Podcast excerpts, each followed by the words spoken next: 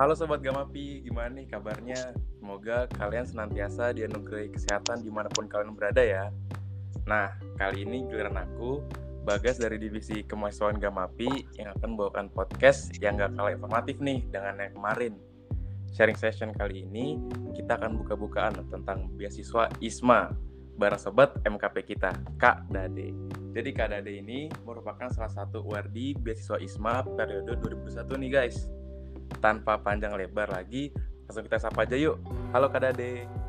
Halo, halo. Halo semuanya. Gimana nih Kak kabarnya sekarang? Uh, baik, baik. Alhamdulillah. Alhamdulillah baik ya. Nah Kak, kalau boleh tahu, uh, sekarang ini kesibukannya apa aja ya?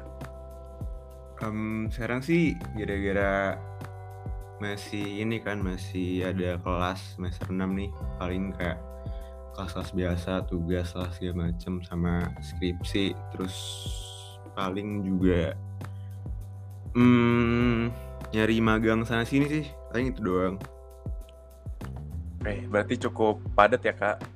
Nah sebagai permulaan nih mungkin boleh kak Dade kasih gambaran singkat ke teman-teman tentang apa sih beasiswa ISMA itu? Oke boleh. Jadi uh, beasiswa ISMA itu tuh dia fully funded uh, scholarship dari Kementerian Pendidikan dan Kebudayaan eh riset dan teknologi juga um, untuk uh, mahasiswa-mahasiswa S1 di Indonesia untuk uh, exchange ke luar negeri kasara gitu. Terus um, itu tuh selama enam bulan dan uh, benar-benar uh, di aim untuk uh, nambah apa ya pengalaman dari mahasiswa Indonesia mahasiswa dan mahasiswi Indonesia sendiri untuk uh, tahu gimana sih um, belajar atau kuliah di luar negeri itu kayak apa. Kira-kira kayak gitu. Oke. Nah jadi itu guys gambaran singkat dari beasiswa ISMA buat kalian tertarik bisa langsung catat ya. Nah ngomong-ngomong kamu jadi penasaran nih kak. Beasiswa kan ada beragam nih jadi, apa sih motivasi yang mendorong Kak Dade untuk yakin mengikuti beasiswa ISMA bukan beasiswa yang lain?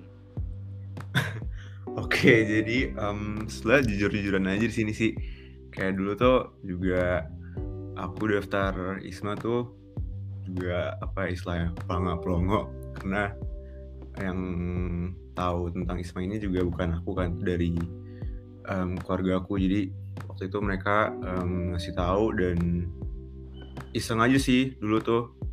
Kayak nothing tulus ya kan siapa tahu dapat juga kan. Akhirnya aku daftar dan alhamdulillah banget kemarin um, Juni tahun lalu kemarin uh, setelah pengumuman itu bahwa aku uh, dapat gitu loh beasiswa dan um, lagian juga kayak untuk daftar beasiswa nggak ada ini sih nggak ada kayak apa namanya halangan atau kayak kenapa kita nggak harus daftar mau itu untuk um, jenjang S1, S2 atau macam exchange kayak ISMA ini um, siapa pun itu juga kayak sah-sah aja untuk mereka daftar kan. Jadi menurutku um, itu sih. Wah keren-keren. Berarti emang harus berani ya kak. Nah kita juga mau tahu dong kak tahap-tahap seleksi apa aja sih yang waktu yang waktu ikut seleksi besok ISMA dan hmm. boleh diceritain nggak kak kalau kemarin Kak Dade melewati tahap seleksi apa aja? Boleh boleh. Jadi tuh um, kebetulan aku tuh setelah ikut ISMA kemarin juga jadi mentor untuk ISMA angkatan kedua kan.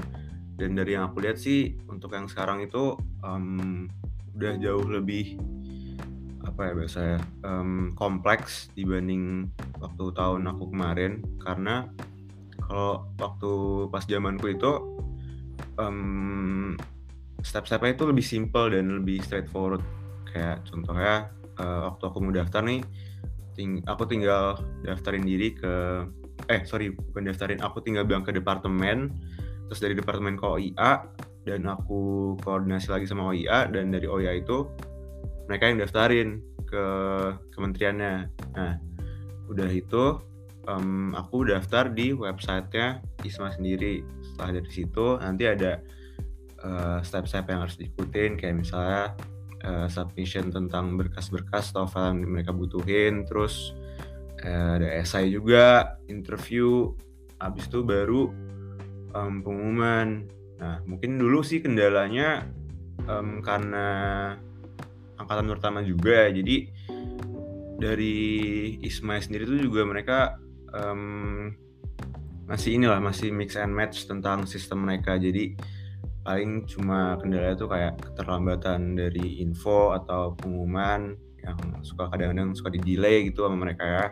Paling itu aja sih. Tapi um, yang aku bisa bilang sekarang untuk proses uh, pendaftaran ISMA sekarang tuh jauh lebih kompleks dan lebih apa ya namanya um, lebih sophisticated lah dibanding tahun kemarin jadi uh, ini sih harus di harus harus lebih aware lagi sih kita kalau mau daftar itu. Oke oke, berarti kalau yang mau daftar ISMA itu dibantu sama departemen ya kak? Eh, uh, gak dibantu sih, tapi lebih ini guys, lebih di dikoordinasiin. Oh, oke oke. Ya lebih lebih di lebih di sounding nama kita biar keangkat. Oh siap siap. Uh, untuk persaingan sendiri ketat gak kak ISMA itu? ya gimana ya? um, yang pasti sih uh, karena aku alhamdulillah banget keterima mungkin bisa dianggapnya uh, berarti memenuhi kompetensi mereka dari mereka kali ya tapi dari aku sih nggak bisa bilang kayak uh, persaingannya ketat apa gimana karena nggak um, ada rujukan dari mereka sendiri yang nuntut bahwa kita harus memenuhi ini itu ini itu tapi lebih yang aku bisa bilang tuh um, dari observasiku terhadap uh, awardee lain uh, misalnya contohnya aku kan kemarin ke Leeds berarti Isma Leeds kan hmm. nah mereka ini semua tuh um, juga orang-orang yang berkompeten gitu loh dan nggak main-main lah iya, iya. istilahnya yeah, yeah. dan pastinya juga secara akademis maupun luar akademis mereka tuh juga um, berprestasi gitu. Keren keren keren. Ada pertanyaan lagi nih kak. Kira-kira ada tips and trick nggak nih supaya teman-teman yang mau apply beasiswa ISMA bisa lolos tahap seleksi dan dapat beasiswanya? Um, tips and trick uh, oke okay, jadi um, mungkin satu itu sih yang penting yang paling penting PD ya jadi Kenapa pede? Karena kalau misalnya kita pede, artinya kita kenal sama diri kita sendiri dan tahu nilai kita sendiri. Dan itu um, akan bawa kita jauh banget ke sana. Karena dengan mengenali diri kita sendiri, kita tahu potensi juga apa yang kita punya. Terus, um, oh ini apa namanya?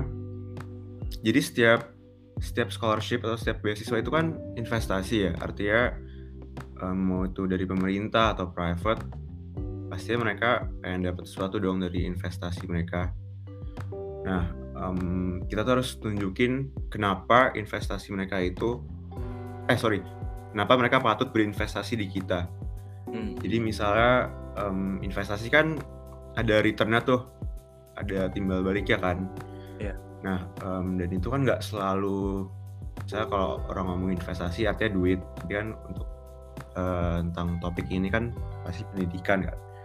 Dan itu nggak selalu tentang nilai nggak selalu tentang akademis bisa jadi investasi yang mereka kasih ke kita itu untuk pengalaman kita untuk networking kita untuk um, kita untuk berkembang sebagai individu. Nah um, apa yang jadi apa yang kita bisa jual ke si investor-investor ini untuk mereka kan pastinya mereka berharap untung dong Iya. Dan mereka pengen udah punya apa um, return of investment juga ke depannya. Jadi yang penting tuh kayak kita tuh jual diri kita aja sih sebaik-baiknya. Itu aja intinya kalau untuk dapat uh, beasiswa. Karena mau kita um, gimana pun juga kan jatuhnya kita saingan sama orang lain. Iya. Dan istilah cari kursi kan.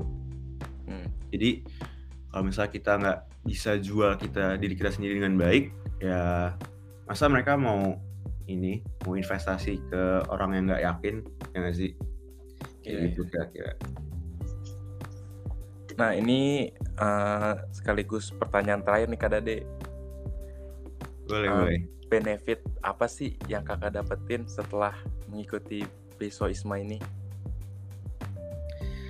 Oke, um, satu sih yang pasti ini ya um, pengalaman kuliah di luar negeri itu kan udah pasti. Kedua tuh um, nyambung sama yang pertama tadi tuh tinggal di luar negeri kira-kira sama enam bulan. Dan itu kayak bener-bener experience yang ya bisa dibeli sih jujur aja tapi um, apa ya valuable banget lah. Terus uh, ketiga itu jelas tambah teman-teman baru, tambah lingkungan baru dari Isma dan juga Wardi Isma yang lain juga itu kan ngebuka pintu banget apalagi Wardi itu kan dari satu Indonesia jadi um, ini sih kayak luas banget lah potensinya yeah. dan keempat itu aku tuh pernah dibilangin sama siapa ya kalau salah mentorku dulu. Um, kalau misalnya kita dapat beasiswa itu namanya pasti kedengeran deh. Gimana jelasinnya? Kayak ya, ya. ini bukan maksudnya bukan buat nyombong apa gimana tapi um, misalnya ada orang dapat LPDP nih dan dia mau daftar kerja si rekruternya pasti ngeliat dong oh ini orang LPDP gue pasti dia ini itu ini itulah pasti dikonsiderasinya di, di naik dong ke orang yeah, ya yeah. kan dan itu juga pasti nah um, jujur aja sih sedikit um, setelah uh, Isma ini di LinkedIn ku jadi banyak yang nanya-nanya gitu. Oh, oke oke oke. Jadi kan lumayan ya. juga, ya. iya nggak populer juga sih guys. ya nambah connection lah kan lumayan ah, lumayan. Okay, okay. Itu apalagi networking kan zaman sekarang penting banget. Jadi um, potensinya luas banget lah sebagai wordy. Tuh.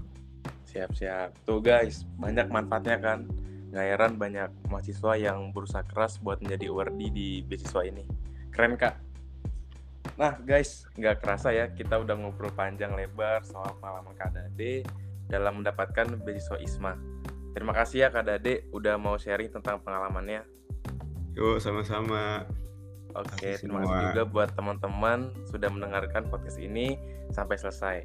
Sekian ya untuk podcast kali ini. Eh, jangan lupa pantengin terus official Instagramnya Gamapi di @gamapik G A M A P I C T supaya tidak ketinggalan update-update dari Gamapi. Oh iya, jangan lupa nih teman-teman Gamapi punya hotline sendiri yang namanya Halo Gamapi untuk wadah aspirasi dari teman-teman MKP. Cus langsung cek aja, klik di link yang ada di bio Instagram Gamapi dan di situ teman-teman bisa langsung tulis apa yang mau disampaikan. Gampang banget kan? Nama aku Bagas, pamit undur diri dulu ya tetap jaga kesehatan dan sampai jumpa di sharing session selanjutnya teman-teman. Dadah.